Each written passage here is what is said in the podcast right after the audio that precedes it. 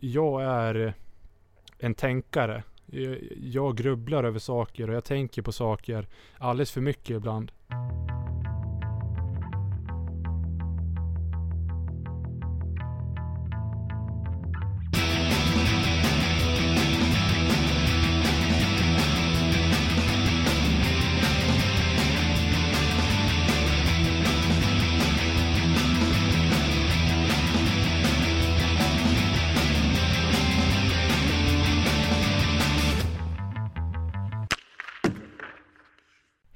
Välkomna till ett nytt avsnitt av Mjörnbergs Trash Talk.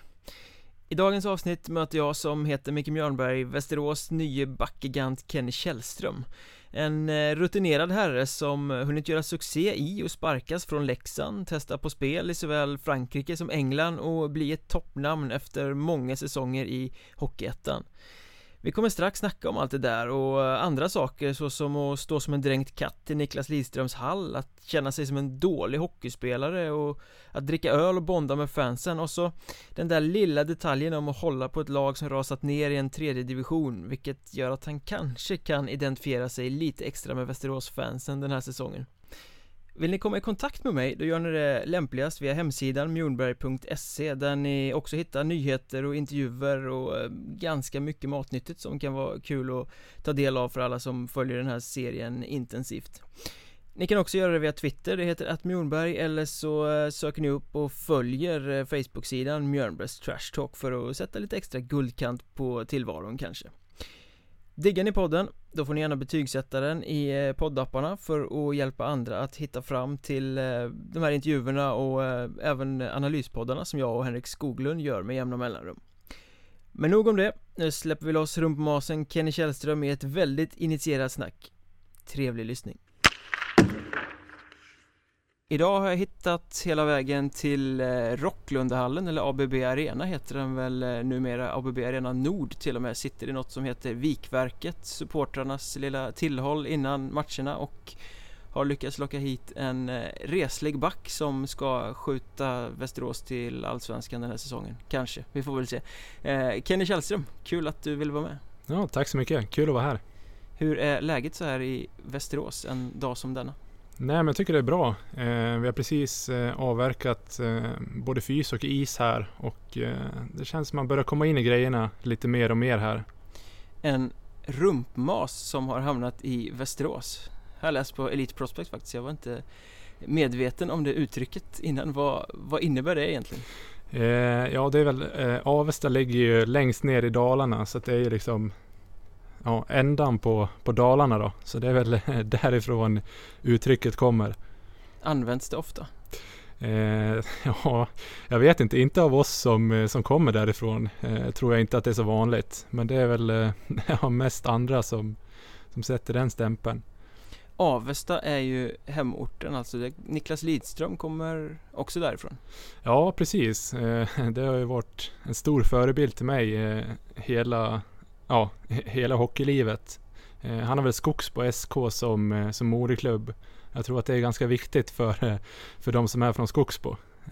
Men ja, det är riktigt stort att ha han från samma stad, det är det. Det var han som satt på pojkrumsväggarna när du var liten knatte? Absolut, det var det och jag kommer ihåg att jag samlade alltid hockeybilder och sen så fick man sån här något specialkort med, med Niklas då. Och då kommer jag ihåg att jag var och fick det signat i Avestaparken när han var hem någon sommar. Så det, det var riktigt stort. Men han måste varit borta i eh, USA redan när, när din karriär började så att säga? Ja, det, det tror, jag, tror jag verkligen att han var. Men de hade någon sån här match eh, där det var eh, ganska många NHL-spelare varje år i Avesta faktiskt. Eh, som mötte Avestas A-lag. Eh, och i samband med det kunde man ju få lite autografer och sådär. Så det, det var riktigt stort. Och nu har du till slut eh, en bra bit in i din egen karriär följt i hans fotspår till eh, Västerås. ja, jo precis och faktiskt så, så hyr jag hans eh, sons lägenhet i andra hand också. Eh, så jag var hemma hos Niklas och hämtade nycklarna här eh, förra veckan. Ehm, Ja, det, det var speciellt men eh, jag tyckte jag löste det ganska bra i alla fall. Darrade knäna lite när du skulle ringa på eh, ringklockan? Ja, lite grann och sen eh, grejen var att eh, när jag hoppade ur bilen så började det spöregna och eh, han hade ju inget tak utanför dörren så jag kom ju in där som en blöt katt också så att det var ju ja, typiskt då. Inte ditt livs mest värdiga ögonblick? nej, det var det inte men förhoppningsvis så skötte jag mig ganska bra i alla fall. Lurkar han omkring någonting i kulisserna här i eh, gamla Rocklundahallen?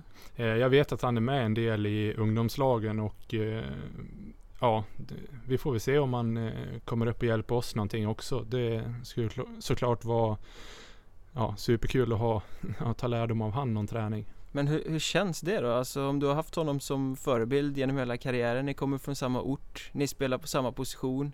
Eh, om han skulle komma in och hjälpa till här eller coacha dig eller någonting liksom? Hade det inte blivit en, en lite speciell känsla av det på något sätt? Eh, alltså jag tror väl att alla backar som, eh, alla svenska backar ser väl upp eh, till Niklas Lidström känns det som. Men såklart skulle det vara jättespeciellt men ja, jag skulle bara tycka det var kul och försöka suga åt mig allt han sa liksom. Kan man dra någon form av parallell mellan dig och honom i, i spelstilen? Eh, faktiskt så använder jag hans eh, vinkel. Eh, det är väl den eh, parallellen jag vill dra i alla fall. eh, något annat vet jag inte riktigt. Han har en liten annan karriär än, än vad jag har haft. All. Så är det. Ja, steget från Västerås till Detroit Red Wings är nog fortfarande ganska långt. Inte för att nedvärdera din karriär på något sätt men... Eh. Ja, det känns, det känns ganska långt borta men ja, man vet aldrig. 28 år ung. Ja, eh, känner mig ganska ung ändå. Eh, jag fyllde ju 28 här för, ja vad blir det, 10 dagar sedan. Eh, men att eh, några år till eh, tror jag absolut att jag har i mig. Det, det, tror jag. Och nu kommer du in i ett Västerås som precis har kommit ner i Hockeyettan som kommer få ganska stora förväntningar på sig oavsett om man vill eller inte. Känner du att du med din ålder och din rutin, du har ändå varit runt ganska mycket, att du blir eh, någon form av ledargestalt eller lagpappa eller det här lagets Niklas Lidström om man säger så? Eh, alltså jag tror ju att vi har ju vi har ganska många eh, sådana spelartyper. Eh, vi har många spelare som har varit med mycket sedan tidigare. Eh, men självklart vill jag vara en av, eh, av de spelare som eh, eh, ja, tar för mig och visar vägen och eh, ja, men visar de yngre att eh, ja, med, med exempel liksom. Men att, som jag sa, jag tror vi har flera sådana så att, eh, ja. Ni är ett ganska rutinerat lag för att vara eh, i Hockeyettan. Ja, ja, men vi har ju en hel del unga också som, eh, ja, som kör och, och, och, bidrar med fart på, på varenda träning. Och det sporrar ju oss också att, att vi måste bli bättre hela tiden. Och det, det tror jag är jätteviktigt. Och många i det här laget är sådana som du har spelat med tidigare på andra platser i, i landet och andra Eh, tidpunkter i karriären. Jag vet Morgan Hassel har väl spelat med i Avesta mm. eh, Johan Sköld i, i, eh, Östersund och så vidare. Ja. Är, det, är det viktigt tror du för att, för att ni ska klicka ännu bättre här? Eh, jag tror att eh, ja, många känner ju varandra. Jag känner ju många och sen finns det andra i laget som, som känner andra från andra tillfällen. Det tror jag ju hjälper oss att bygga en starkare grupp. Och jag tror att den processen går mycket snabbare Eh, om, man har, om man känner varandra sedan tidigare. Eh, sen jag, och Morgan och Petter, vi är ju... Petter Mattsson ja, Petter Mattsson. Som... Vi är födda 89 och är från Avesta alla tre. Eh, så att det är klart att de två känner jag ju extremt bra. Så att, nej men jag, jag, tror ju att, och det känns också i omklädningsrummet att vi kommer få ihop ett riktigt skönt gäng av det här alltså. Och om vi ändå klamrar oss fast lite vid Avesta-grejen här så att du överhuvudtaget hamnar här i Västerås har ju med Avesta att göra. Eh, att du ville komma lite närmare hemmet eller familjen, släkten? Ja, alltså det var ju, det var ju också någonting som, som vi kollade på när, eh, ja, när jag skulle göra mitt klubbval då. Och eh, ja, att Västerås var intresserade av mig, det, det var ju en perfekt lösning på både hockeyplanet och eh, för familjen då. Så att det var inget tvivel. Är det slitsamt så som du har gjort under din karriär? Du har varit ute väldigt mycket i, i landet. Du var i Öst, eh, Östersund, ja precis, i tre säsonger. Det är inte nästgårds direkt. Du har varit utomlands, du har varit nere i södern i Karlskrona och runt väldigt mycket. Är det jobbigt på längre sikt så här, att ligga så långt borta från släkt och vänner? Och... Eh, alltså det där är väl eh, väldigt individuellt skulle jag säga. Eh, men för mig tycker jag ändå att eh, de gånger jag varit utomlands i alla fall att det har känts som att eh, det här kanske inte är riktigt för mig. Eh, ändå provade jag på med en andra gång då och lämnade tjejen hemma och åkte till Coventry. men om man tänker stabilitet i, i livet och allt vad det innebär. ja, kanske få lite jobberfarenhet och sådär. Så är ju liksom i alla fall inom Sverige, eh, ha, har passat mig bättre än att vara runt utomlands. Du har ändå hunnit bygga familj och sådär medan du har varit ute. Eh, är det också ett, eh, dina barn är fortfarande väldigt unga, men är det en, en viktig aspekt i det också att komma hem närmare hemmet så att de får liksom en fast punkt och inte blir nomader från första början? Ja men det, det är väl någonting som, som vi har tyckt har varit jätteviktigt i alla fall. Och eh, det var väl därför vi ville söka oss lite närmare ja, hemmet och i Avesta eh, till familjen, kunna få lite avlastning och sådär. Eh, för livet blir ju helt annorlunda med, med ett barn och sen eh, livet blir ännu mer annorlunda när man får ett till barn. Eh, så att eh, jag är borta en hel del på hockeyn och sådär så, så för min sambo att få, eh, att få avlastning från familjen det är ju jätteviktigt. Ja, hur funkar det där egentligen rent mentalt för en hockeyspelare när man har små barn och åker iväg på bortamatcher och är liksom Man är borta ganska mycket. Eh, ja, alltså det... Men är, är det en extra klump i bröstet när man stänger dörren och ska åka till bussamlingen liksom när du ska åka till Piteå borta eller någonting när eh, du vet att du kommer vara borta ett tag? Ja, alltså det är ju Jag vet inte, det är lite svårt att förklara det där. Eh, men det är klart att Eh, ja, ha en sambo som, som ställer upp mycket och liksom hon, hon, vet ju att jag kommer vara borta en hel del under säsongen. Eh, jag tror min son som snart blir två år eh, förstår mer och mer att ja, pappa ska på hockey liksom. Han säger att jag ska på fotbollsmatch så jag har inte lärt honom rätt uttryck än men han förstår i alla fall att att jag ska iväg och sådär. Och han tycker det är jättekul att springa i hallen och, och heja på pappa liksom. Så att det, det känns ju bra i alla fall. Har han sett dig spela match? Det har han gjort, men eh, jag tror inte han kollar så mycket. Han springer nog mest med, runt med de andra barnen och hittar på bus tror jag. Du är inte den snällaste spelaren på isen. Hur ska du förklara det för honom sen när du börjar begå dumheter där ute och han ser det här? Det kommer ju kommenteras direkt. Ja, jag hade faktiskt eh, Uh, Åsa, min sambo, har ju varit på mig några gånger där att eh, nu måste du föregå med gott exempel liksom. Nu får du ju sluta upp med det här. Men eh, alltså det är någonting i mig och det när det blir match och det blir matchsituationer då är det som att Alltså jag går in i en bubbla och jag Ja, jag måste vara inne i den. Eh, annars är jag inte där liksom. Då behöver jag inte komma och spela den matchen. Och, och i den eh, bubblan och i det ja, inom mig liksom, då, då finns det, det där aggressiviteten och att jag blir liksom, ja jag blir het ibland. Eh, och, och, jo tack, det har vi sett. Ja, precis. Eh, men eh, ja, jag måste ha det för, för att kunna göra en bra match. Men det har tonats ner lite på senare år? Ja, det var väl värre när, när jag var yngre och det var väl mycket att jag kanske la Eh, fokus på, på andra saker än hockeyn också. Det var mycket skrik på domare och sådär. Eh, det tycker jag i alla fall att eh, det kan jag säga med stolthet att, att jag lagt av med. Jag fick faktiskt en tia förra året men jag har ingen aning om varför. Då har du i alla fall börjat föregå lite med gott exempel. Ja, precis. Det kanske kom med åren där att, eh, att man blir lite, lite mognare och lite klokare. Men eh, aggressiviteten, eh, den lever kvar i alla fall och det, det är någonting jag är stolt över faktiskt. Men sonen, han föddes mitt under säsong? Ja, precis. Han är född eh, elf, eh, den 6 november 2015, så det var ju mitt i säsongen. Där. Han du var med på själva nedkomsten? Eh, jag var faktiskt, det var beräknat samma helg som vi skulle åka till Piteå. Eh, och eh, jag kommer ihåg det, Challe Franzén, eh, vår tränare då, han sa ju det. Det är lugnt. det kommer alltid, ja det blir alltid efter datumet. Och sen sa han, när det väl startar, då tar det minst 24 timmar, så du kommer hinna hem. Eh, och sen var det, det kom inte, barnet kom inte den helgen, men när det väl satte igång tog det två timmar.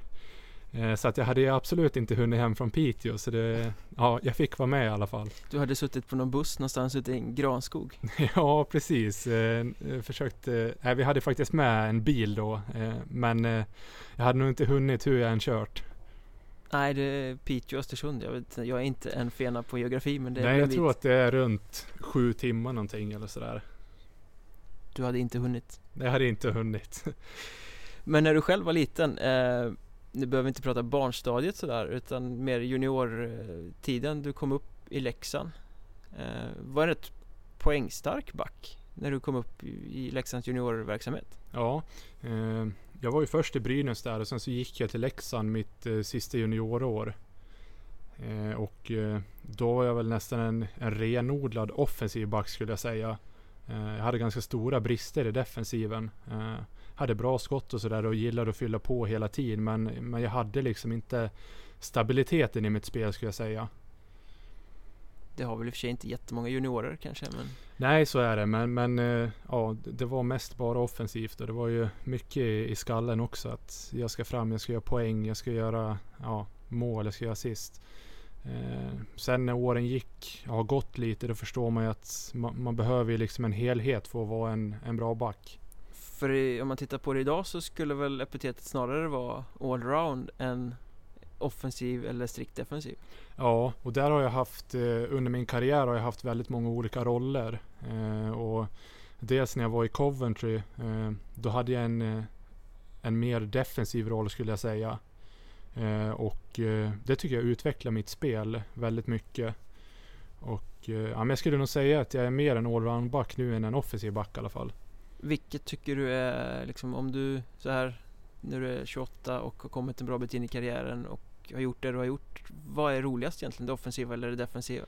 Men jag, skulle nog säga, jag skulle nog säga helheten. Eh, jag, jag, jag uppskattar eh, alla moment i spelet mer nu än vad jag gjorde när jag var yngre. Eh, jag, jag uppskattar liksom att täcka skott, spela boxplay, göra det jobbet. Hur kan man uppskatta att täcka skott? Det måste ju göra ont. Ja, det, det är ont ibland men samtidigt så är det en jäkla skön känsla när eh, ja, man går ner och täcker liksom. Man känner att den där tog jag liksom för laget. Det är en härlig känsla. Och eh, så, jag har inget speciellt så som, som jag uppskattar mer. Jag tycker liksom helheten är viktig hela tiden. Man brukar säga om backar att eh, ju mer istid man har desto bättre är man. Eh, är det en sanning som stämmer? Ja, alltså att man, att man blir, att man spelar bättre med mycket istid menar Ja, du? precis. Att uh, du ska gärna spela 30 minuter och täcka mycket skott för att vara i det liksom. Såklart är det lättare att, ko att komma in i matchen om man, eh, om man spelar mer. Eh, det är lite skillnad tror jag för en forward kanske kan gå in och köra mer. Få ett byte här och där och liksom trampa igång ordentligt. För en back kan det ju vara mycket ja, bakåt. Man kanske inte behöver åka så mycket. Eh, så att ja, det kanske krävs lite längre tid för att komma in i det. Och ja, har man 30 minuter som du säger, då, då är man inne i det ordentligt. Har du haft så mycket istid någon gång under karriären? Eh, jag Kon- Ja, någon match säkert, men kontinuerligt liksom? eh, kontinuerligt, eh, jag vet inte riktigt. Alltså jag, eh, så, som det har varit i Östersund har vi spelat ganska mycket. Jag vet inte om jag spelat 30 minuter, det tror jag inte. När jag var i Strasbourg i Frankrike, då, då vet jag att då var jag på 27-28 minuter. Eh, ganska kontinuerligt då. Sen blev jag ju tyvärr skadad där. Men eh, eh, ja, jag vet att jag har legat runt 27-28 i alla fall. Det vill säga en klassisk back. Ja, exakt. Ja, det gäller ju att klara av det också. Det är, hockeyn går ju snabbare nu så att det, ja, det gäller verkligen att ligga i här eh, ja, dagligen. Är det så? Kan du säga så att det sliter mer, alltså blir man tröttare rent fysiskt idag än vad man blev för 5-6 år sedan när det kanske gick lite långsammare eller 10 år sedan när man fick haka rent av? Ja, alltså man måste ju jobba mer med eh, sin egen skridskoåkning. Man måste ju jobba mer start och stopp. Eh, så jag vet inte, jag vet inte om jag ska säga att det sliter mer, men att eh, det kräver mer i snabbhet och mer start och stopp än vad det har gjort tidigare tycker jag. Eh, själva försvarsspelet då. Är mer att tänka på. Det gäller att vara på rätt ställe helt från början liksom i en situation. Ja, precis. Eh, mycket så är det också. Eh, Får inte hamna i tidsnöd. Eh, För det märker man ju att spelet går ju betydligt snabbare nu än vad det gjorde för ja, en 5-6 år sedan. Det, det, känner man. Som till exempel när du kom upp i Leksand där och faktiskt fick eh, mycket förtroende ganska tidigt i A-laget i Leksand i Hockeyallsvenskan. Um, om du ser tillbaka på det idag, var det bra eller dåligt att så tidigt i karriären bli liksom så lyft som du ändå blev? Du fick bra med speltid. Ja, eh, alltså egentligen, jag vet inte. Jag, jag tycker inte om att vara, vara tillbaks för mycket och grubbla i eh, vad, vad, alltså vad hade jag kunnat gjort annorlunda där och, och, och si och så. Men alltså om man kan jag vet inte om det har varit positivt eller negativt. Eh, däremot så, så var jag väldigt tacksam då, kommer jag ihåg, att, att jag fick chansen och, och jag tycker ändå att jag, eh, jag gjorde det ganska bra där, trots att jag var väldigt ung. Eh. Ja, hur var det att som så ung back komma upp och få det förtroendet i Hockeyallsvenskans förmodligen mest hypade gäng? Ja, men alltså det var klart, det, det var ju jättestort. Ehm, och gå från J20 till exempel eller eh, något annat lag, division 1-lag och gå till en sån stor klubb. Eh, det tror jag är en stor omställning och det är någonting som eh, man kände blev bättre och bättre med tiden. Men man är ju väldigt påpassad och eh, eh, ja men gör man något bra då, då är det jättemånga som är med liksom. Gör, ja, gör du sämre prestationer eh, ja då tror jag att det, det kan vara tufft om man är i den åldern i alla fall. Men blev, blev även du hackad på eh, om du gjorde något dåligt som den yngling som du var? Ja, alltså man... Jag, jag, vet inte om jag blev hackad på så, men, men det är ju...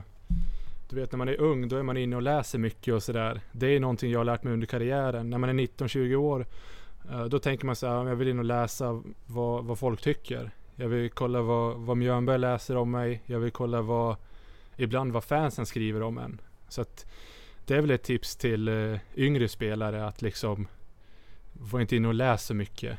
Eh, liksom gå igenom själv på datorn, kolla ja, vad, gjorde jag för vad gjorde jag för fel, vad gjorde jag för, för någonting som var bra och, och lär sig så istället. Istället för att vara inne och, och kolla vad andra tycker hela tiden. Det, det blir fel tycker jag. Jag hade det som etta på listan över mest överskattade värvningar en gång. Ja, precis. Och då skrev Petter Mattsson direkt till mig. Du, du måste gå in och kolla här nu. Mjörnberg är på dig. ja, men det var lite kul. Tar man åt sig när nu var det i och för sig ingen sågning i och med att det inte stod att det var en dålig back, bara att det var överskattad i förhållande till hur de presenterade dig. De presenterade dig som den, eh, jag vet inte vad pressmeddelandet löd, men etta på listan över alla backar som man skulle kunna få hit. Eh, ja. något sånt där. Eh, men tar man åt sig av sånt? Alltså jag, jag, jag vet inte om eh, om man tar åt sig så att, eh, så att man får illa av det. Eh, däremot så, eh, så tycker jag det kan vara bra att prata om sådana grejer också. Liksom, ja varför? Jag kanske kan fråga dig liksom, ja men varför tycker du så här? Exakt. Det, det tycker jag är bra. Ja. För då får man ju feedback och, och, och det tycker jag är väl en grej som, som är viktig i, i hela livet för mig. Att jag är en tänkare. Jag, jag grubblar över saker och jag tänker på saker alldeles för mycket ibland. Eh, så att där, eh, det är en viktig del för mig att eh, det mentala liksom. Och jobba med det hela tiden. Ha någon att prata med. Vad tycker du i den här situationen och så. Jag vill gärna ha feedback på, på saker som jag gör. Är det sånt som du försöker smitta av dig på yngre killar i ett lag? Som när ni har här i Västerås till exempel. En hel del unga killar som kommer upp som kommer läsa på diverse forum i vinter att de har gjort värdelösa matcher. Kan du liksom komma med din erfarenhet och hjälpa dem hur de ska tänka då? Absolut, eh, det, det tycker jag är en jätteviktig del. Eh, och eh, där har man ju dels med sin backpartner. Där, där tycker jag är jätteviktigt att ha feedback och, och prata igenom, liksom sätta sig ner efter, efter en match och liksom prata igenom. ah, vad tycker du var bra? Eh, vad tycker du var mindre bra? Och på så sätt blir man ju bättre och bättre hela tiden. Och, eh, så ja, men det, det är jätteviktigt. Det tycker jag. Men när du var i Leksand där, eh, det är en ganska påpassad klubb. Det är väldigt många fans som brinner väldigt, väldigt mycket. Eh, är det en tuffare omgivning på det sättet att spela där än någon annanstans som du har varit? Eh, alltså jag tror man kan känna av eh, att pressen, vi hade ju någon säsong där när det inte gick sådär jättebra. Vi missade, vi var i den här förkvalserien och missade kvalserien där. Det var Mora som tog den platsen.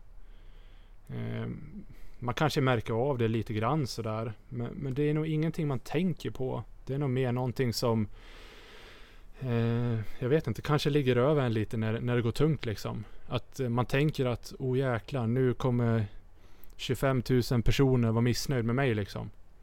Eh, lite omedvetet så, men, men, man kanske tänker så. Jag vet inte riktigt. Men när man har fem raka torsk så kan det vara att det hade varit lite skönare att spela i Oskarshamn än i Leksand kanske? Ja, precis. Det hade varit så, så kanske det är. Eh, och, eh, men det där är också någonting som, som jag tror att man lär sig av. Och jag tror att jag hade hanterat den situationen bättre eh, om jag hade varit som nu, 28 år gammal och fått lite erfarenhet. Och ja, man vet vad man inte behöver bry sig om lika mycket och vad, vad man ska lägga fokus på. Men när man är 19, 20 sådär, ja då, då är det nog svårare, det tror jag. Sveder då när du eh, hade gjort så pass bra som du hade gjort i Leksand. Du kom upp tidigt i A-laget, du presterade och sen kom säsongen när du liksom inte fick vara kvar. Då var du också fortfarande ganska ung. Eh, det var väldigt tungt. Eh, för det var ju eh, året innan hade jag, ja, tycker jag själv gjort det ganska bra då. Eh, och sen så kände jag väl direkt där på, på försäsongen att eh, ja, det är nog inte tänkt att jag ska spela så mycket. Eh, lite så, den känslan. Hur får man den? Är det liksom man matchas mindre i träningsmatcherna eller? Ja men det är ju så här, ja man får sitta på läktaren någon match och sådär och, och, man får den här klassiska, men visa på träning att du vill vara med. Eh, så kommer du ha en plats liksom. Men det där vet man ju, det är ju liksom bullshit nio gånger av tio. Eh, Tränaren har bestämt sig vilka som ska spela? Ja men lite så är det. Hamnar man i den situationen så Eh, även fast man, man, kan knyta näven och, och, köra på men till slut blir det liksom ohållbart. Men hade ni bytt tränare mellan säsongerna där då eller hur?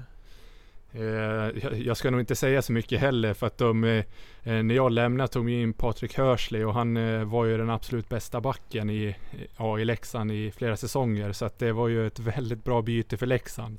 Eh, så, men det var en väldigt tung, eh, tung del i min, min karriär där. Så skulle jag vidare och jag hade i stort sett bara spelat J20. Självförtroendet var bedrövligt rent ut sagt. Eh, så det, det var en riktigt tung tid, det var det. Men de tog in Patrik Hörsley visst, men man byter ju inte en junior mot en, en uh, spetsback. Så det borde ju ha funnits andra som hade kunnat hänga löst där på Med tanke på att du ändå hade gått genom juniorverksamheten Ja, nej men eh, ja, jag vet väl inte riktigt hur det är och sen eh, alltså jag är jätte, jättetacksam mot Leksand. De har, de har ställt upp på mig under hela tiden jag har varit där och jag tycker det är en jättefin eh, Ja men de har hjälpt mig mycket i min karriär så att jag, jag har inget negativt att säga om dem. Men just situationen när jag fick lämna så, så var det väldigt tungt. Ja det är klart med tanke på att du inte hade faceat den typen av motgång heller i karriären innan. Eh, säkerligen. Var det Tommy Salo som var sportchef? Ja, precis. Jo, han var sportchef där. Eh, så ja, det, det, fanns andra planer i alla fall. Så att, så var det. Men där, egentligen så var det där i Leksand som du var uppe och spelade på hög nivå i Allsvenskan. Sen, jag vet inte om man ska säga plana ut, men det är som att karriären liksom har det har varit en bra karriär men den har stannat på nivån under eh, sen dess. Ja. Eh, känns det som att du har stångats mot den här chansen som liksom aldrig har kommit på något sätt? För att du har ju ändå presterat överallt där du har varit. Eh, ja. Eller ska man, man kan säga så här, känns det som du har liksom blivit typecastad som en division 1-back? Som liksom spetsen på division 1 som aldrig får komma upp liksom?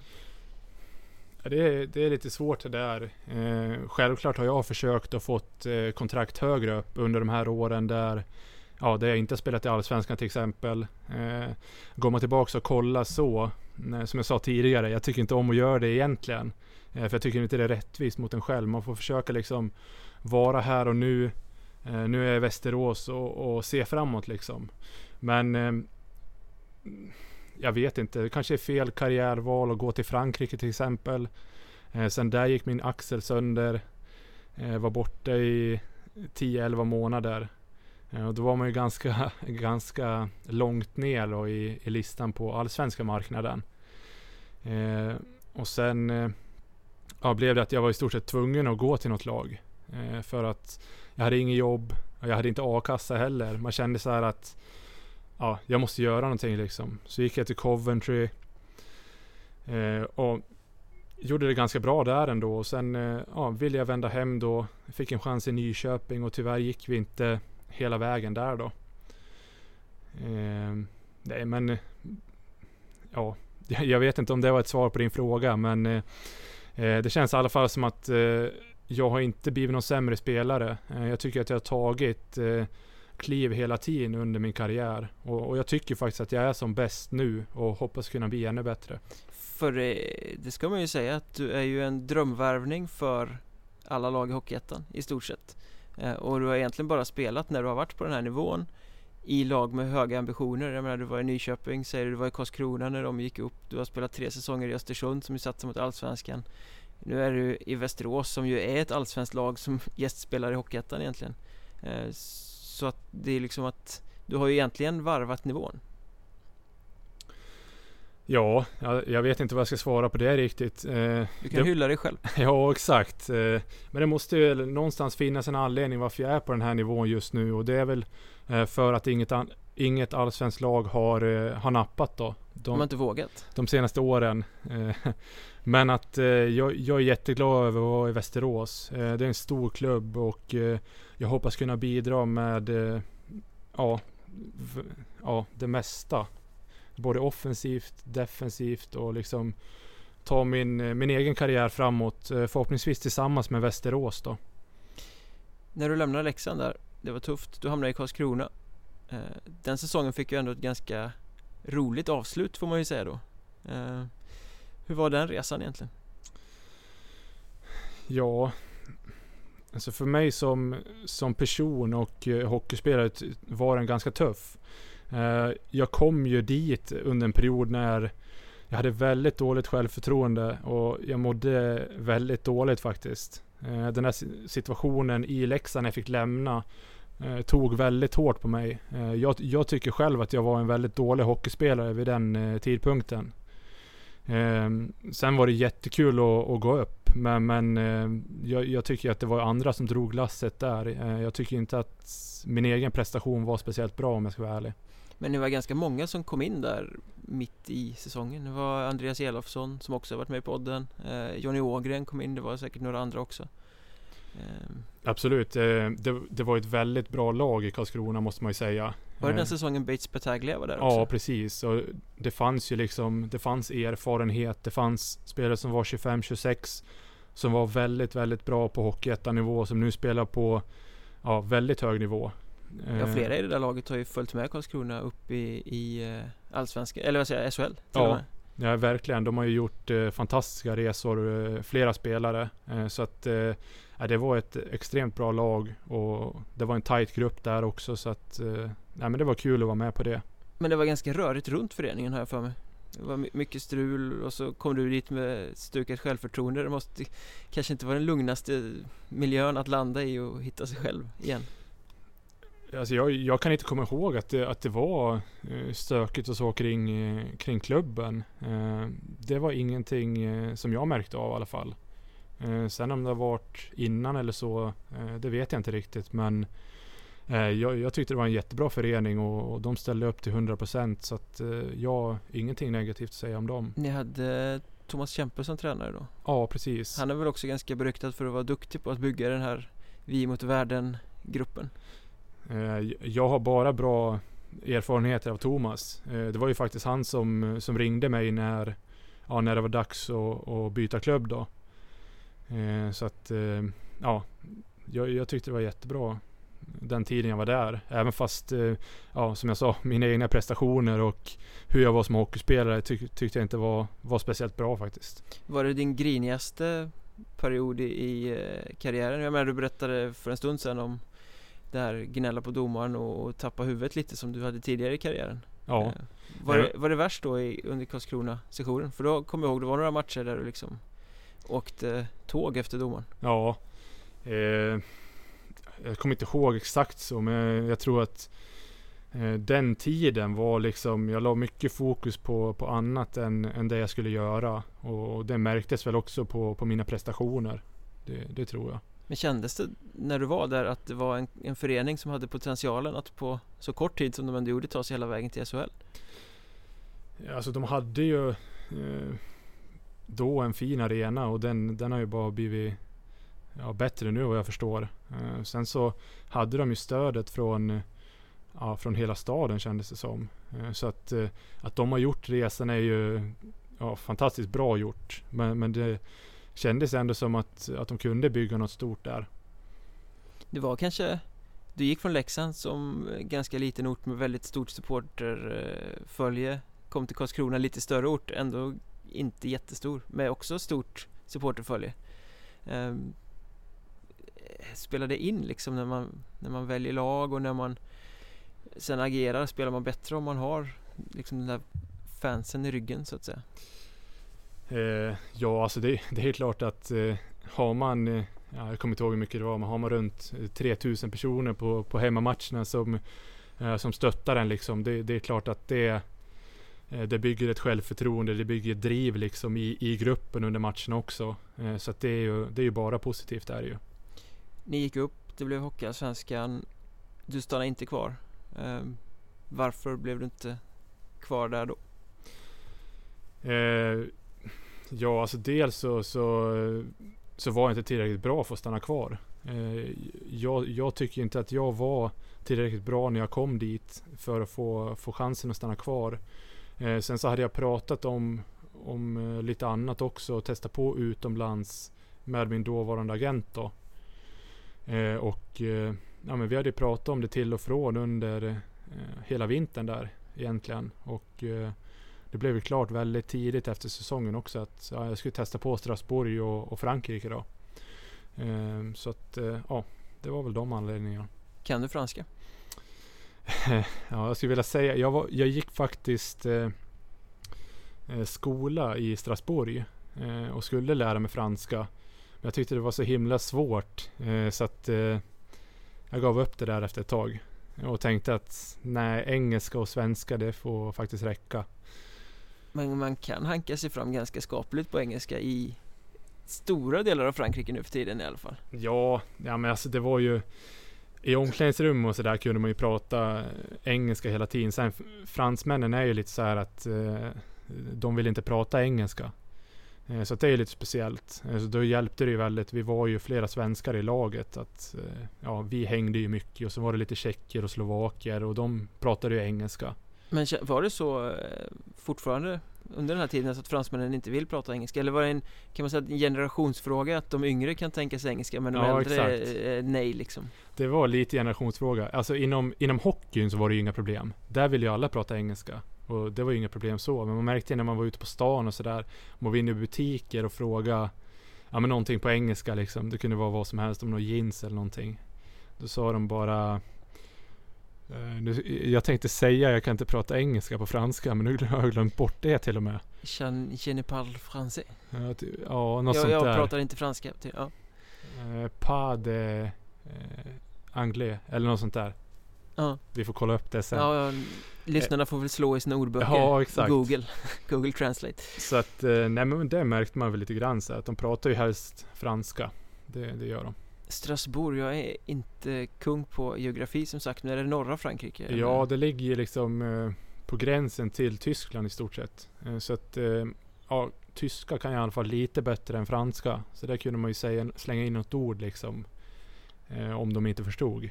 Och hoppades att de kunde tyska också liksom. Språkförbistringar till trots då, var det en tid som du ser tillbaka på med mer glädje än det här Leksand-Karlskrona-året? Ja, men det, alltså jag, jag hade jättekul där och sen eh, jag, jag, fick en väldigt bra start och väldigt bra eh, förtroende i Strasbourg. Eh, och eh, ja, tyvärr så gick min axel sönder efter bara 11 matcher där och jag var tvungen till att operera. Eh, så då var det också så här, jag gick till en eh, fransk läkare där och jag, jag, jag, förstod liksom inte, ja vi kunde inte prata med varandra i stort sett. Men jag skulle i alla fall göra någon operation i Frankrike då först. Men sen så kände jag att Alltså det här går inte. Jag måste hem, jag måste prata med en svensk läkare. Jag måste förstå vad de säger. Måste veta vad de ska göra med mig. Ja exakt, vad ska de göra liksom? Ska de in i knät på mig eller är det axeln de ska operera? Eh, så då tog jag beslutet att åka hem och sen så vart det ju lite väntetid och sådär. Så att eh, det vart en utdragen process för att få axeln hel då. Så det var lite synd, att, att det blev så långt. Gick den eh, under match eller träning eller vad var det som hände? Det gick ju under match där. Och sen, jag hade ju problem att den hoppade ur väldigt mycket för mig. Så till slut så fanns det inget annat att göra än att operera fast den då. Eh, så att, eh, ja, då, då fick jag göra det. Är det något som påverkar dig idag? Eller liksom... Eh, det är det inte, utan den eh, axeln eh, mår jättebra. Eh, jag har kört, kört bra rehab under flera års tid på den. Jag har fått mycket hjälp där från bra eh, fysior så ja, det är under kontroll är det. Så du är en av de här lyckligt lottade som ändå kanske gjorde operationen i tid och fick ordning på det? För man har ju sett många spelare där liksom hoppar en gång och sen är det kört, sen hoppar det resten av karriären. Ja, ja, jag tror att eh, det sa de ju åt mig också att det var väldigt viktigt att göra det här på en gång innan besvären blir för allvarliga. För då kan det bli tal om mycket större operationer än vad jag fick göra då. Är det karriärens största och egentligen enda farliga skada? Eh, ja, eh, det är det. Jag har brutit lite ben i, i tummar och sådär men eh, Ja, du gillar ju att täcka skott så lite sånt får man räkna med. exakt. Det- Jag fick ju hylla mig själv lite i alla fall. men eh, nej men det är väl Det är väl den operationen jag har haft då. Kan man säga. Men Frankrike annars, hur, är- hur liksom Det var en kul tid säger men hur var det att spela hockey? Vad, vad höll franska ligan för klass på, på den tiden? Eh, det man kan säga om den är väl att det är en, eh, det är en väldigt offensiv liga med fria tyglar. Eh, är du back till exempel så vill de jättegärna att du ska transportera pucken. Eh, du ska ta pucken och åka liksom tills det är stopp i stort sett. Eh, lite den mentaliteten är det liksom framåt, framåt, framåt. Och det är inte så uppstyrt. Lite juniorhockey Ja nästan? men lite så är det och eh, det finns jättemånga bra spelare där som är offensivt extremt skickliga. Eh, men det taktiska finns inte riktigt, i alla fall inte när jag var där. Nej, det är nog ungefär samma omdöme som gäller nu. Men man ser att det kommer ju ganska mycket spelare från eh, franska ligan. Både svenska spelare som har varit där och kanadensiska så här, som kommer hit och hävdar sig väldigt bra. Eh, så att det känns ju som att den är kanske lite bortglömd. Man pratar väldigt lite om fransk hockey. Ja, ja men det, jag tror att det ser man väl på ganska många, om man säger mindre ligor i, i Europa. Att de blir bättre, eh, bättre och bättre och sen samtidigt som pengarna flyttar sig lite kanske. Eh, som är du en bra kanadensare till exempel eh, och spelar ECHL och lite sådär, men du är trött på det. Då kan du gå till Frankrike, England, ja de här ligorna och, och tjäna bra pengar. Och även fast du är en väldigt bra spelare så kanske du väljer en sån liga. Och det, det är lite så det ser ut faktiskt. Skulle du rekommendera andra att dra till Frankrike och testa det? Ja, men så jag, jag tycker Frankrike är en kul grej. Eh, eh, det, är en, det är bra intresse eh, i de flesta, flesta städerna skulle jag säga kring hockeyn. Eh, men att det gäller väl lite där, kolla runt med andra spelare som har varit där innan. Eh, ja, vad, är- vad är det för förening? Hur, hur ser intresset ut? Eh, för jag vet ju att vissa lag har ju så här 100-150 pers på matcherna. Eh, lagen i Alperna till exempel. Eh, där är ju jättedåligt intresse. Så ja, men tycker man om att åka skidor och sådär kombinera det så kan man väl åka dit. Men annars kanske man kan, ska försöka söka sig till ja, de lite större klubbarna då. Strasbourg tillhörde de större? Det var väl ett mittenlag egentligen när, eh, när jag kom dit. Och eh, vi hade en ganska, ganska tuff säsong men eh, ja, vi slutade någonstans där i mitten då. Eh, men det var ganska bra intresse kring hockeyn. Det var i alla fall eh, 16-1700 på, på hemmamatcherna om jag inte minns fel. Eh, så att det var ganska bra intresse kring hockeyn tycker jag. Det låter ju ändå på dig eh, och ser ut på dig eftersom jag sitter mitt emot dig och ser dig när du pratar om Frankrike att du lyser upp lite. Det känns som att det var en viktig säsong eller ett sätt att hitta glädje igen. Alltså, jag, jag hittade mycket glädje där. Jag fick väldigt stort förtroende och det gick, det gick bra. Och då kommer ju oftast självförtroende om man tycker det är kul med hockey. Eh, Liksom. Eh, sen blev det ju det här med skadan och då blev det ju ja, inte riktigt vad jag hade hoppats på. Eh, Jag hade ju hoppats på att ha en bra säsong i Frankrike och sen kanske vara redo för andra utmaningar. Eh, Men det är ändå hockeymässigt en tid som, som jag tyckte var kul. Och säsongen därpå så som du har nämnt några gånger hamnar du i England och Coventry Blaze. Ehm, det är väl en liga som skiljer sig ganska mycket mot den franska. Det är mer tufft spel där. Ja, men alltså det är också en... eh, Jag, jag tycker engelska ligan håller bra klass. Eh, där är ju många, många kanadensare som kanske börjar bli lite till åren då, men som, som håller väldigt hög klass. Eh, spelar ju där och eh, varje lag har ju liksom 10-12 kanadensare. Som, det är in- inte bara dussinlirare utan ja, det är bra klass liksom. Och det ser man ju på Champions Hockey League och så här. De här ligorna börjar komma lite mer och mer. Det är Sheffield Steelers och eh, lite sådana lag som är uppe Ja. och i alla fall mäter sig. Kanske inte vinner men är med och slåss. Och det var ju, grejen med hockeyn i England är att, det kanske man inte tänker på, men där är det ju extremt stort intresse. Eh, det är många lag som ja, har runt 5000 på hemmamatcherna och sådär. Och vi låg väl runt ja, 2 3000 någonting. Eh, men att eh, hockeyn som du säger är ju, är ju väldigt, väldigt olik svensk hockey. Ja, berätta vad... Eh, det är väl en ganska fysisk hockey och eftersom de har så mycket kanadicker och amerikaner så är det ju den hockeyn som spelas. Eh, det är ju liksom eh, Ja, vad ska jag säga? Nu har ju inte jag spelat borta i ECHL eller någon sån där liga, men jag tror att den är Själva ligan är ganska lika som de ligorna ser ut där borta. Man smäller på ganska mycket. Det smäller ganska mycket och det är en hel del slagsmål. Alltså uppgjorda fighter och sådana grejer. Eh, Så att det kanske man ska tänka sig för liksom innan man går dit och vara beredd att ja, men det här kanske kommer hända. Fick du slåss? Jag fick kasta handskarna några gånger men eh, det blev inte så mycket vävning. Jag försökte hitta någon. Vilken är engelsman? Och, det, och tänkte man så här. För det är ju dumt att hamna med någon kanadensare som har hållit på med det där hela livet. Som har det i DNA Som har eh, liksom, eh, man är, är svensk, man kanske är tuff här i Sverige liksom, men eh, hittar man fel kille där borta, då går det nog inte så bra. Men var det du som startade fighterna då? Om du liksom... det Eller, var ju- eller blir det sån här grupp eh, Ja, det, blev ju, det blev ju ibland liksom att, att det blev att hela femman kastade hands, handskarna liksom och åkte in och gröta. Och sen blev det ju oftast den som var tänkt att slåss som slogs mot, ja den som var tänkt att slåss i andra laget. Så det är ändå, det är ganska sällan man må, måste göra det själv liksom. Så att det är ju inte så att som svensk, om man är tänkt som att vara en produktiv spelare, behöver åka dit och slåss. Så funkar det inte liksom. Men det finns den mentaliteten i, i ligan i alla fall. Men kastar hela femman handskarna så är det lite svårt att... eh, Nej, jag åker och byter istället. Ja, exakt. Jag åker och ställer mig här borta. Nej, det funkar ju inte utan eh, man måste ju göra det. Och jag, alltså jag är ju ganska het och sådär. Och skulle någon komma och slänga handskarna mot mig, då blir det nog instinktivt att man gör det själv också. Så att, eh, men jag hade tur i alla fall att hamna med rätt killar när det blev så. Men gör du det i svensk hockey också? Om det liksom... Det, det, det, det hör ju inte till i svensk hockey så, som det gör där. Det, det är ju något helt annat.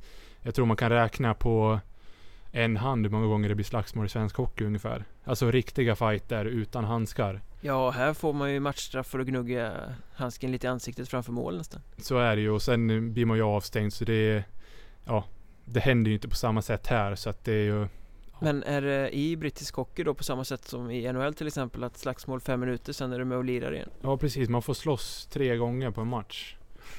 det är det, ganska... det är lite ja. skillnad. Eh, Men när du kom dit eh, du har spelat i Sverige och ganska snälla Frankrike Hade du någon rädsla för det där? För jag antar att du visste hur det kunde tänkas bli Alltså jag kommer ihåg att, att jag eh, gick in på Youtube och sen eh, sökte jag på Coventry Blaze då. Eh, det var ju ganska logiskt eftersom jag visste inte så mycket om ligan, jag visste inte så mycket om laget. Och det första jag såg var att eh, det var en back i, ja som det blev vårat lag då, eh, som hade slagits med en maskot året innan. Och då tänkte man ju så här, men vad är det här för någonting? men efter att jag hade pratat med coachen där, som för övrigt var svensk, eh, eh, Mattias Söderström. Så, eh, så var det så här att, jo men det, det händer ju liksom, men att du kommer ju inte behöva åka hit och slåss. Och då kände man ju lite så här att, ja men händer det så händer det. Lite så. Men var det på grund av honom som du valde att åka till just eh, England och Coventry? Eh, ja, alltså jag- fick ju ett bra intryck av, av föreningen. Det fick jag. Och jag hade långa samtal med dels han och dels sportchefen då. Och, och till slut så beslöt jag mig för att eh, ja, men, men testa det då. Fick du med dig lärdomar därifrån och som gjorde att du var en bättre back när du kom tillbaka till, eh, Sverige sen? Eh, jag tycker jag blev en bättre defensiv back eh, i England. Eh, för jag, jag fick spela mycket boxplay. Ehm, jag fick spela mycket defensiva situationer, stänga matcher och, och sådana situationer som jag kanske inte hade gjort så mycket innan. Ehm, så att eh, jag, jag tror ändå att jag blev en bättre hockeyspelare av att vara där. Men visst, du visste vad du gav dig in på lite sådär eh, hade du den tanken också när du åkte dit att det skulle liksom addera en dimension till spelet som du inte hade? Eller var det någonting som kom på köpet liksom? Eh, jag vet inte om jag tänkte så mycket eh, ja, just i den aspekten att jag skulle få ett bättre defensivt spel. Eh, men att jag var väl tänkt nästan som en offensiv back när jag kom dit. Sen såg de att fan han kan ju mer. Ja men de kanske såg att, att ja men han kan ju även spela defensivt. Sen fick vi två stycken skador på två defensiva klippor i vårt lag. Och, och då blev det ganska logiskt att jag fick fylla en av de, de rollerna då. Eh, och så hade vi en annan offensiv back som spelade varje powerplay. En svensk? Eh, en kanadensare. Som, han hade de värvat från tyska högsta ligan. Eh, så att han var väl tänkt som första powerplayback. Eh, och jag spelade i andra powerplay då samtidigt som jag tog det defensiv, mer defensiva ansvaret då. Nu är du i Västerås och trivs eh, formidabelt med att vara här men eh, ponera att det inte skulle vara så, skulle du kunna tänka dig att åka tillbaka och spela i brittisk hockey igen? Eh, jag tror att nu med eh, Alltså nu när jag har familj och så, så Ja men rent hockeymässigt Okej, okay, rent det... hockeymässigt Ja, alltså jag skulle inte säga nej direkt så. Skulle det kännas bra och jag skulle få eh, ja, komma till en, till en klubb där det är bra intresse kring hockeyn och sådär. Då skulle jag nog överväga det i alla fall. Jag skulle nog inte säga ja direkt. Jag skulle inte säga nej direkt. Något mitt emellan kanske. Men som du säger, det är mycket folk på matcherna. Det är ganska bra drag. De är ganska bra PR-grejer att göra saker runt omkring. Borde inte England eller Storbritannien överhuvudtaget kunna växa som hockeynationer? För nu är de ju liksom eller är det just det att det är så mycket kanadensare så att de egna spelarna utvecklas inte? Ja, jag, jag, tror väl att det är Mm, det tänkte jag lite på när jag var där att eh, i alla fall de yngre eh, britterna som är där. De får ju oftast eh, gnugga i fjärde och, och gör lite ströbyten. Alltså om man säger i powerplay och sådär kanske någon gång per säsong. Eh, så att det är väl också en, eh, ja men som du är inne på, det är kanske därför brittisk hockey inte går framåt. Alltså om vi tänker landslag och så. Nu har de kanske, jag tror att de gick upp här till, eh, om det var andra divisionen. Okej. Okay. Mm. Eh, så att de har väl tagit stegen då. Eh, men jag tror att det hämmar ju säkert utvecklingen för de unga britterna att det är så mycket importer i, i varje lag då. Jag är ju ganska fascinerad av att sitta och googla sådana här eh, exotiska ligor eller man ska säga och företeelser och sånt. Jag har sett att i, på vissa ställen i England så eh, får matchens lirare en låda med öl. Eh, var det så under din tid också? Eh, ja, det stämmer. Oftast när man eh, ja, matchens lirare fick ju något alkoholhaltigt och eh, något annat då. Var man i Skottland så tror jag att det var någon fin whisky och sådär eh, någon gång när vi var där. Så det, är, det är lite skillnad. Eh, det är lite skillnad på på mentaliteten där också. Det var mycket så här efter matcher att de ville att ja, vi skulle gå och mingla i, i baren med, eh, med fansen och sådär. Inte, inte gå och dricka jättemycket och sådär utan mm, ta någon öl och liksom ja, men prata med fansen. Eh, det är väl en grej som är betydligt större utomlands än vad det är i Sverige. Eh, så att, ja, så får, får man ju tycka själv då om det är positivt eller, eller negativt men ja. Vi sitter här i Västerås supportrars eh, bardel i eh, ABB Arena. Eh, skulle du själv kunna tycka att om det inte liksom påverkade eh, alltså i prestationen eller fysiken eller träningen eller sådär att eh, man skulle uppmuntra mer till det i Sverige just det här att kanske efter matcherna hänga med fansen och, och bonda på det sättet? Alltså, jag tycker det är en, eh, en jättebra grej och, och det behöver inte vara att man behöver liksom inte gå upp här och, och hänga i baren i 3-4 timmar. Det är inte det utan man, man kanske kommer 4-5 spelare efter en match och så är det olika varje match då. Ja men stannar en 40-45 minuter. Prata med de som, de som är här. Ja, vad tyckte ni om matchen? Ja men sådana grejer. Sånt gör ju att eh, fansen och ja, truppen då kommer, kommer närm närmare varandra. Att man liksom umgås snarare än att spelaren kommer upp, svarar på frågor i intervjuformat i tre minuter och sen drar vidare igen. Liksom. Ja, nej men det, det tycker jag absolut är en, en grej som svenska klubbar kanske skulle göra mer än Ja, den är i stort sett obefintlig på de flesta ställena Tror jag i alla fall så svenska klubbar borde titta mer mot England helt enkelt? Nej men de är ju bra på, jag vet inte om de ska titta, men just i den aspekten tror jag att det är bra och, och där kanske de har lite från, från fotbollen också. De kollar liksom, ja, hur gör de här? Eh, hur gör Premier League-klubbarna och hur gör de klubbarna? Och, eh, men där fansen är väldigt viktiga och det är de ju såklart här också. Men det är ju en grej man kan göra för att bygga på ja, men det avståndet mellan fansen och, och föreningen och laget. Att det blir mindre liksom. Du hade lättare att förstå fansen i Coventry än i Strasbourg?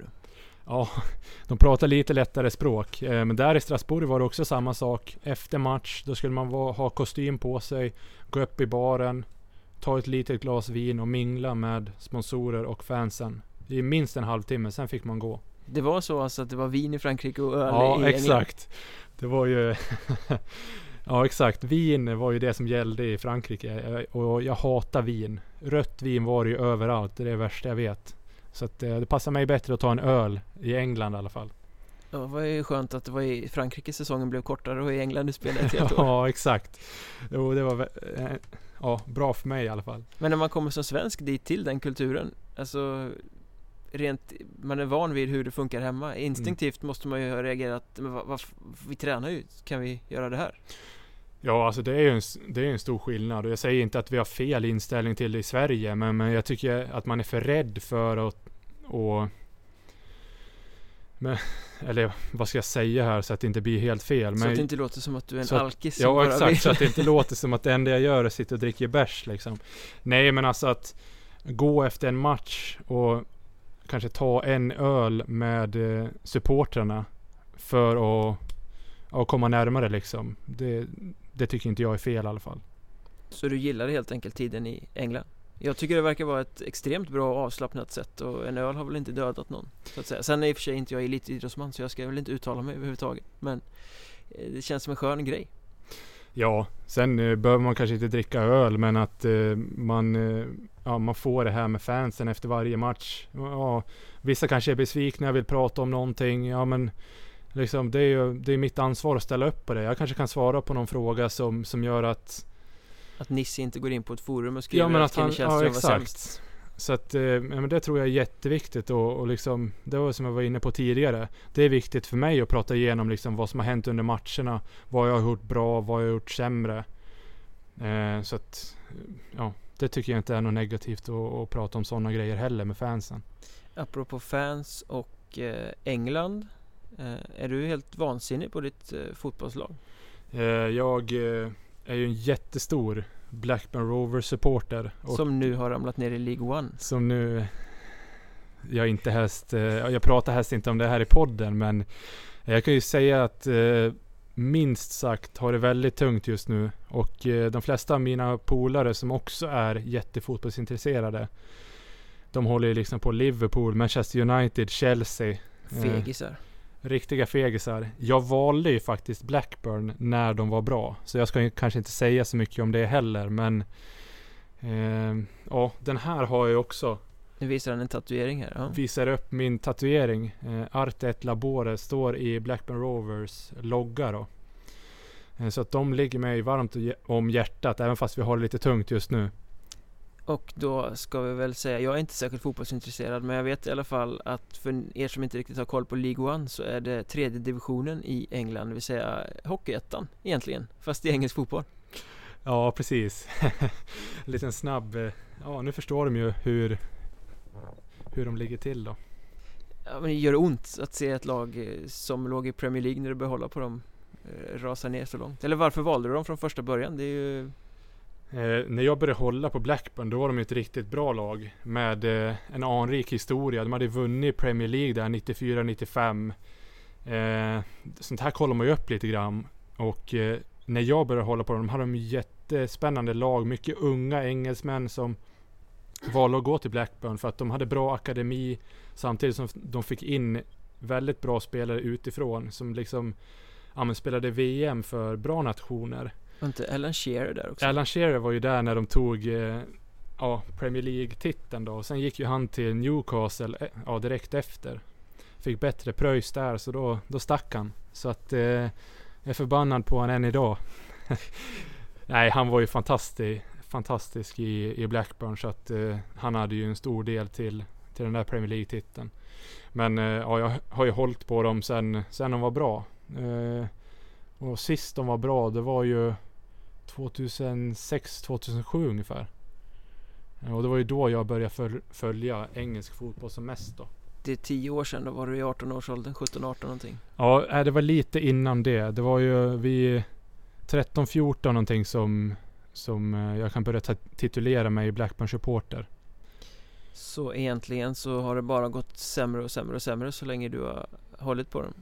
Ja, det, alltså det har ju gått ganska bra och sen så eh, kom det in nya ägare. Ett eh, kycklinguppfödarföretag eh, från Indien ville komma in i, i engelsk fotboll. Hör bitterheten i, i rösten här nu. eh, så eh, Wenkys eh, som de heter, gick in och köpte Blackburn Rovers och sen dess har det ju gått, eh, gått ut för. Eh, jag tror vi lämnar det där. Eh, jag blir irriterad bara jag pratar om det. Säger man inte att supporterskap ska vara lidande? Delvis ska det väl det. Eh, men samtidigt när man ser en klubb eh, gå från att vara liksom i toppen av eh, ja men toppen, 6-7 i Premier League. Och så kommer några eh, kycklinguppförande indier in och köper klubben. Och sen bara rasar det. Då, då blir man ganska förbannad faktiskt. Tror du att det kan innebära att du kan identifiera dig ännu bättre med Västerås supportrar här i år? För jag menar, den här klubben var ju ändå uppe och kvalade till SHL för bara några säsonger sedan är nu i Hockeyettan. Eh, tror du att deras supportrar sen känner ungefär likadant som du känner i, i Blackburn Rovers eh, fallet? Minus eh, kycklinguppfödande indier. Eh, ja, alltså jag vet inte, det är väl svårt för mig också att svara för Eh, hur, hur fansen och så känner. Men det är klart att eh, går man från Åker man ner från Allsvenskan till Hockeyettan så är det klart att det är ju jättekännbart för, för föreningen som är så anrik också. Du vet hur det känns kan man säga. Eh, så jag vet, ja, jag vet ju hur det känns eh, från eh, supportersynpunkt då. Det, mm. det gör jag absolut. Eh, så att det är väl Ja, jag, jag, vet inte. Nu blir det liksom som att jag försöker jämföra Blackburn med Västerås. Det vill jag inte göra riktigt. Det blir eh, märkligt. Men du, jag menar ur, ur eh, supporters synpunkts eh, ögonen så är det ju ungefär samma resa. Absolut. Och eh, jag hoppas att de känner i så fall på samma sätt som jag att eh, eh, det har varit extremt tungt och ha åkt ur och vara i tredje divisionen. Men att jag är liksom, jag följer dem i ur och skur. Det är liksom, det är mitt lag och tillsammans ska vi ta oss tillbaka liksom. Du vet precis hur de kommer känna om ni lyckas ta er tillbaka till Allsvenskan i år? Eh, den dagen vi eh, Västerås är tillbaks kommer jag absolut veta hur, hur de känner det. Då släpper vi England för mm. den här gången. Eh, du vände hem, du hamnade i Östersund där du har varit i tre säsonger nu. Ett lag som satsade hårt mot Allsvenskan men inte kom dit. Hur, hur är det att lira hockey där? Norrserien, det är lite annorlunda mot alla andra delar i Hockeyettan med tanke på alla resor? Och... Ja, nej, avstånden är ju eh, det är väldigt stora avstånd är det. Men alltså Östersund som, som förening, jag kom ju dit eh, när de ja, ville börja med satsningen i stort sett. Eh, jag fick väldigt bra intryck av eh, Marcus Åkerblom och eh, Jörgen Sjölin som var dåvarande tränare. Och ja, men de hade en nybyggd hall. det kändes fräscht. Samtidigt som ja, jag visste att det var en del bra spelare in, på väg in då. Ja, så det var ju därför jag nappade på Östersund. Och ja, men jag har haft tre bra säsonger där, även fast lagets prestationer inte har varit så bra som de hoppades på, eller som, som vi alla hoppades på. Så, så tycker jag att det har varit tre bra år i Östersund ändå. Ja, men jag menar, det måste ju ha funnits någonting som tilltalar i och med att du stannade tre år.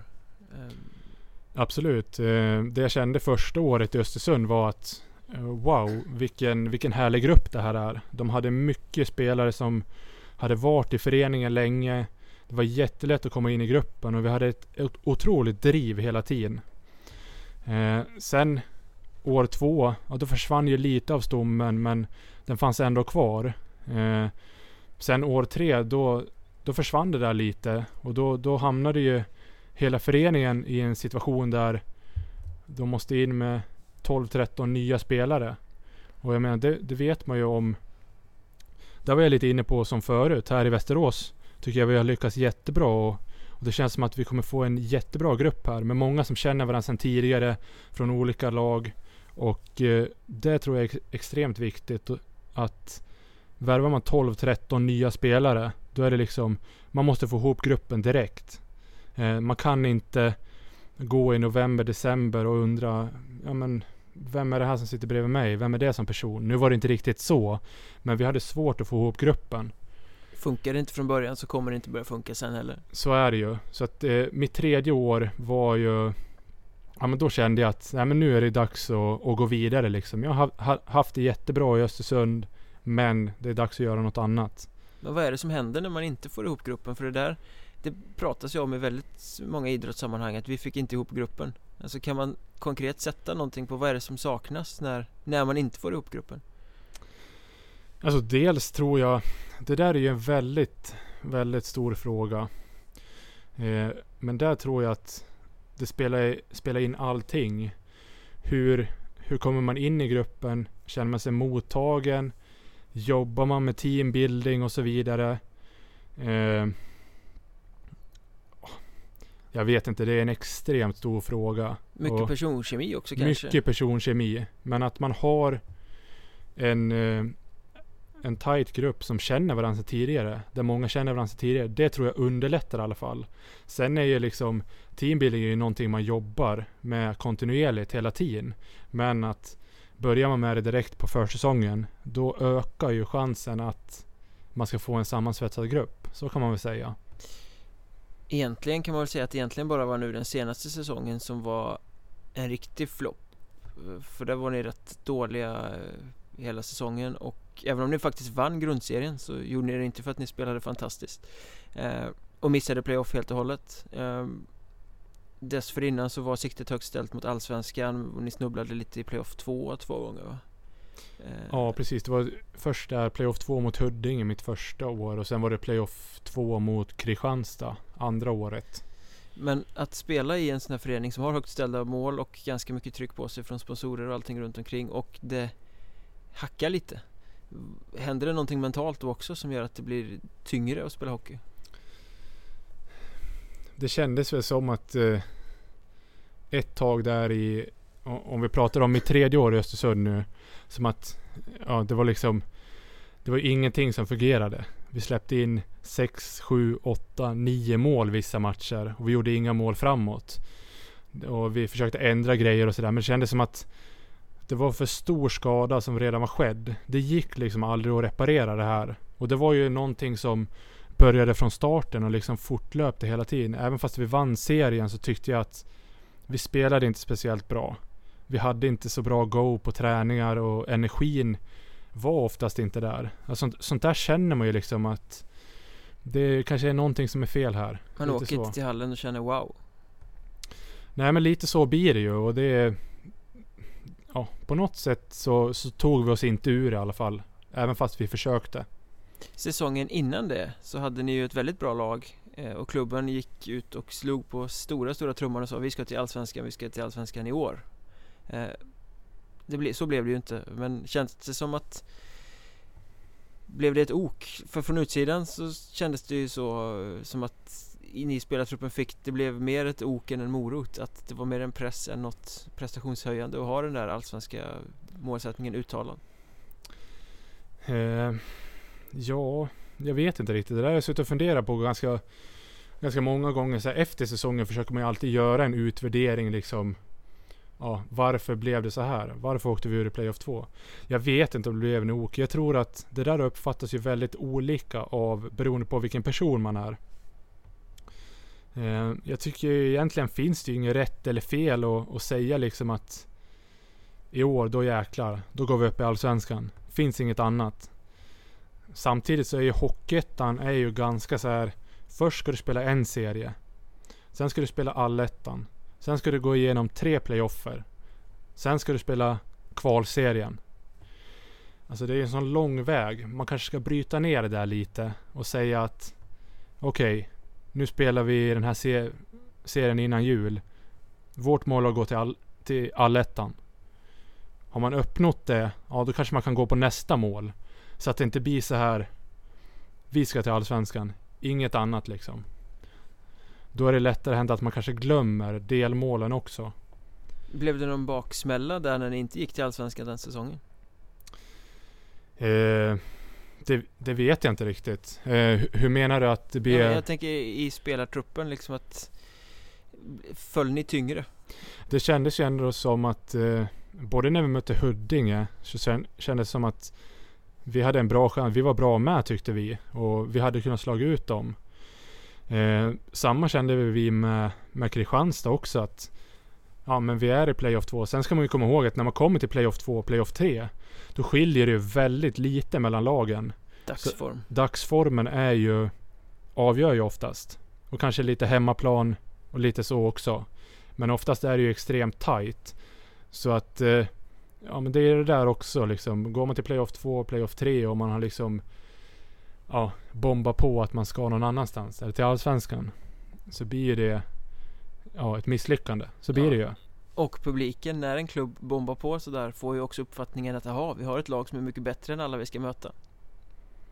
Ja, det, dels kan det ju vara det. Sen kan det också vara ett sätt att och liksom och, och gå ut med den här satsningen. Och, och, vi, och de ville visa sponsorer och så här att ja, men, vi kommer vara med nu. Vi kommer vara med på allvar.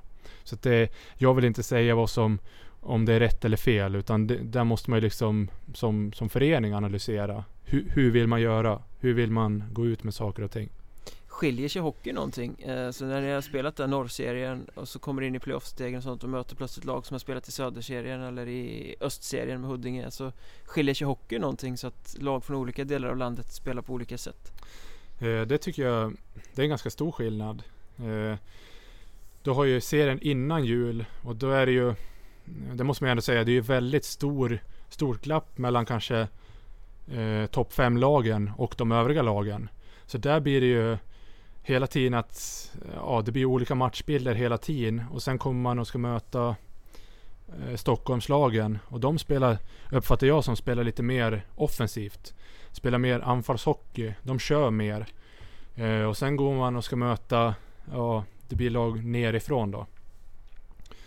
Eh, som jag uppfattade spelade Kristianstad mer uppstyrt och, och så vidare än till exempel vad Huddinge gjorde. Det var mer Huddinge, det var mer fart och fläkt bra skridskoåkning och så. Medan Kristianstad, det var lite mer uppstyrt. Så det skiljer sig ganska mycket? Jag tycker att det skiljer sig. Det här som du säger när du spelar i grundserien, vissa lag som är väldigt mycket sämre. Svårt att få det här, liksom verkligen motivera sig att gå all in när man vet att det räcker med 40% för att vinna. Och det är det som är tjusningen med, med Hockeyettan. Att, eh, ja, alltså oavsett vilket lag man möter så måste man hitta ett, ett spel som man gör varje dag. Eh, varje träning, varje match. Och inte vika en tum liksom.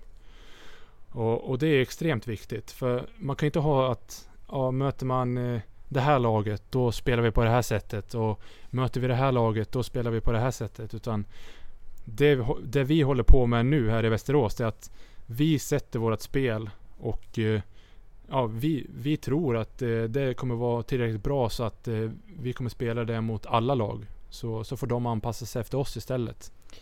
Och nu spelar ni, eller ni säger jag, Västerås kommer spela i, i västserien. Du kommer spela i västserien första gången du ska spela i, i den här serien. Är det också lite ten, nytändning eller vad man ska säga på något sätt att komma till en ny serie? Du kommer få se lite andra hallar, och du kommer få möta andra lag eh, efter de här tre åren i, i Östersund.